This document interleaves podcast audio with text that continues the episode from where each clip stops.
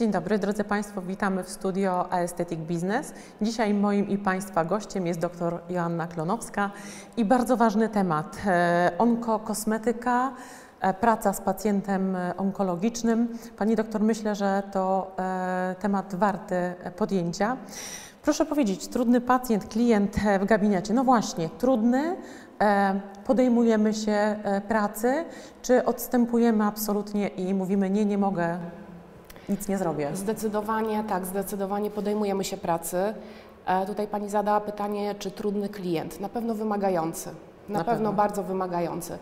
Musimy pamiętać, że pacjenci onkologiczni stają, e, muszą się zmierzyć e, z diagnozą, którą słyszą i często jest to walka po prostu o, o życie.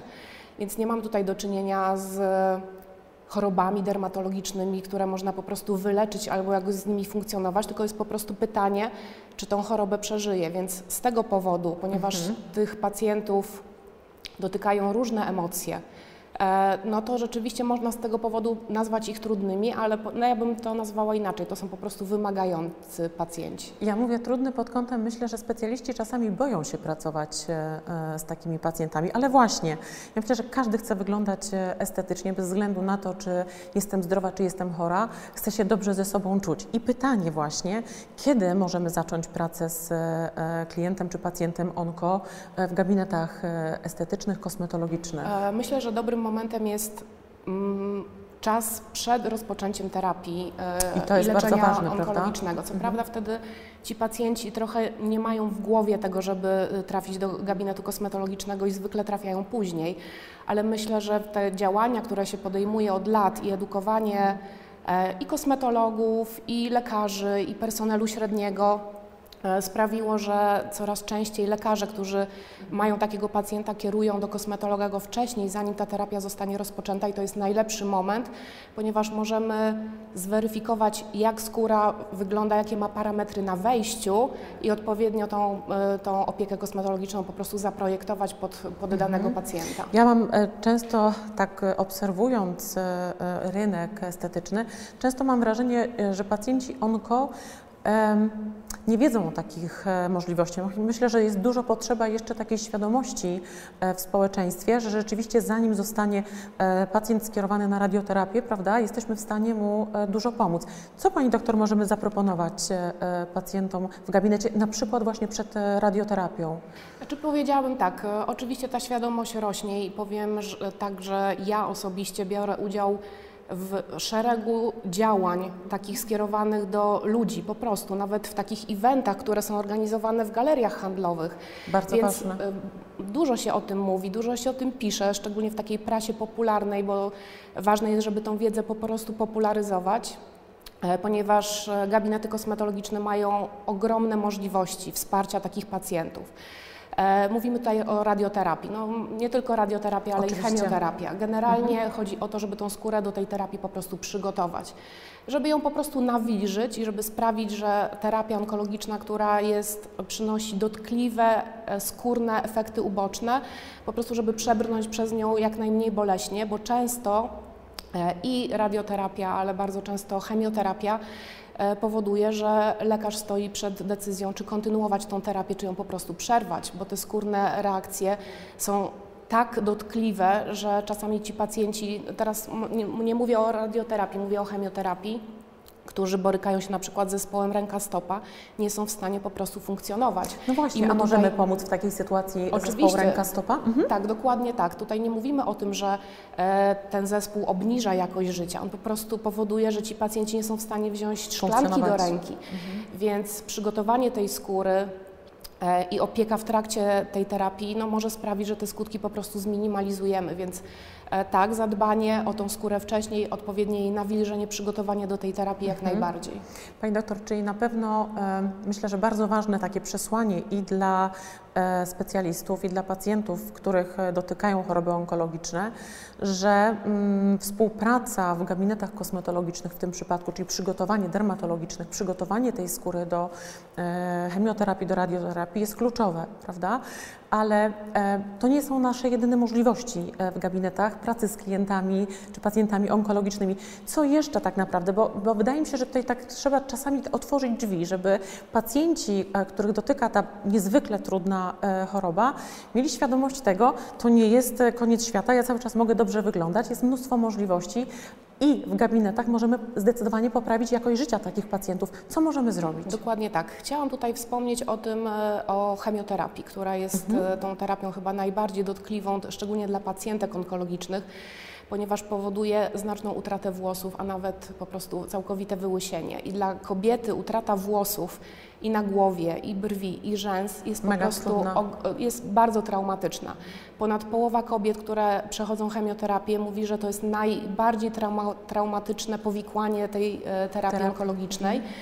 No i tutaj kosmetolodzy gabinety też mogą wyjść naprzeciw nawet nie po terapii, kiedy już te włosy utracimy. Można to zadbać o brwi y, i włosy już przed.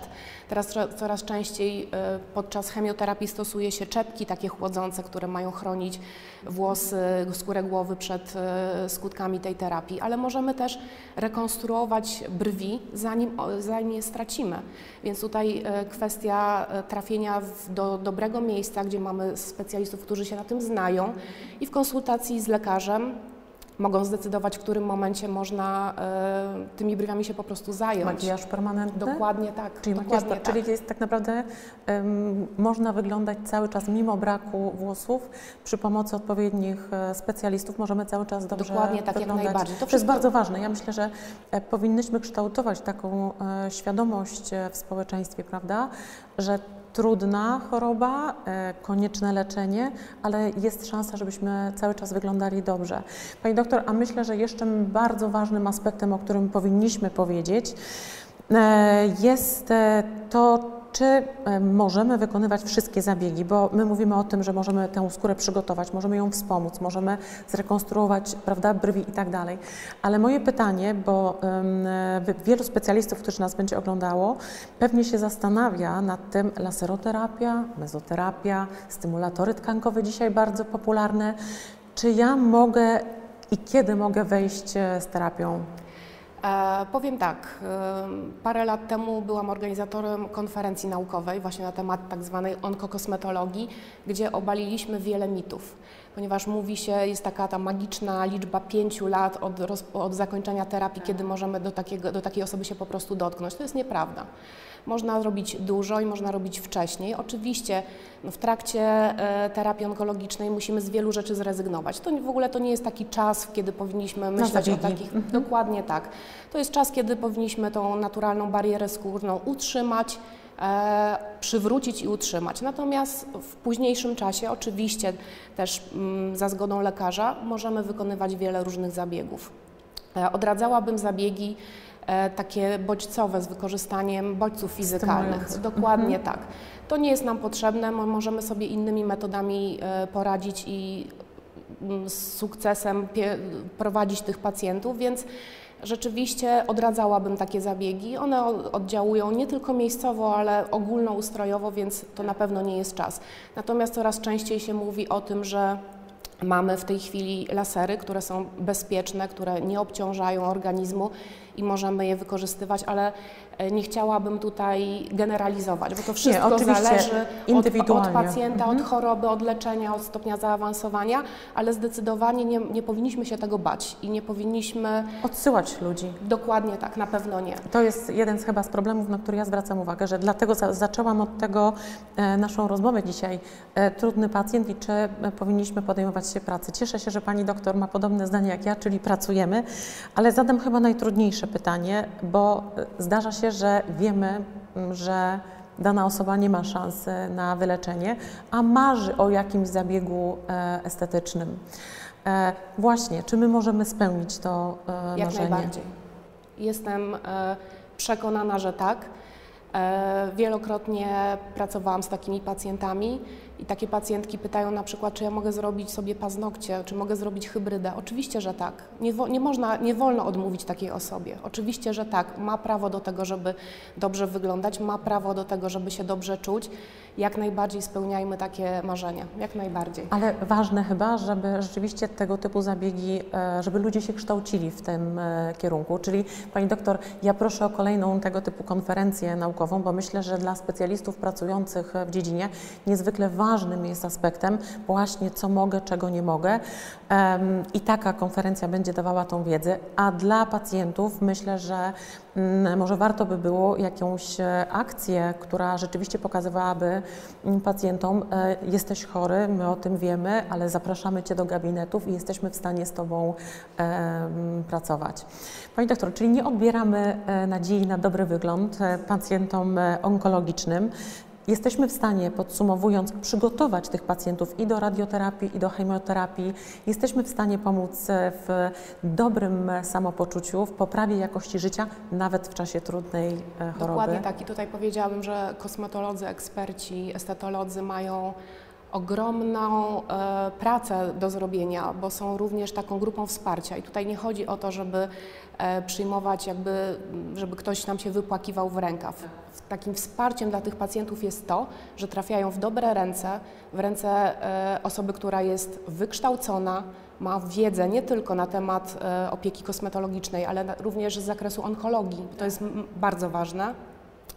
I jeżeli ta osoba czuje, że jest w dobrych rękach, że trafiła do specjalisty, który, który wie, co ma robić, myślę, że to jest też ogromne wsparcie. Więc osoby, które chciałyby e, w tej subdyscyplinie kosmetologii się specjalizować, no muszą być przygotowane na e, ciągłe kształcenie, muszą się tak. charakteryzować ogromną odpornością psychiczną, bo tak jest, ale myślę, że to jest e, praca, która daje ogromną satysfakcję.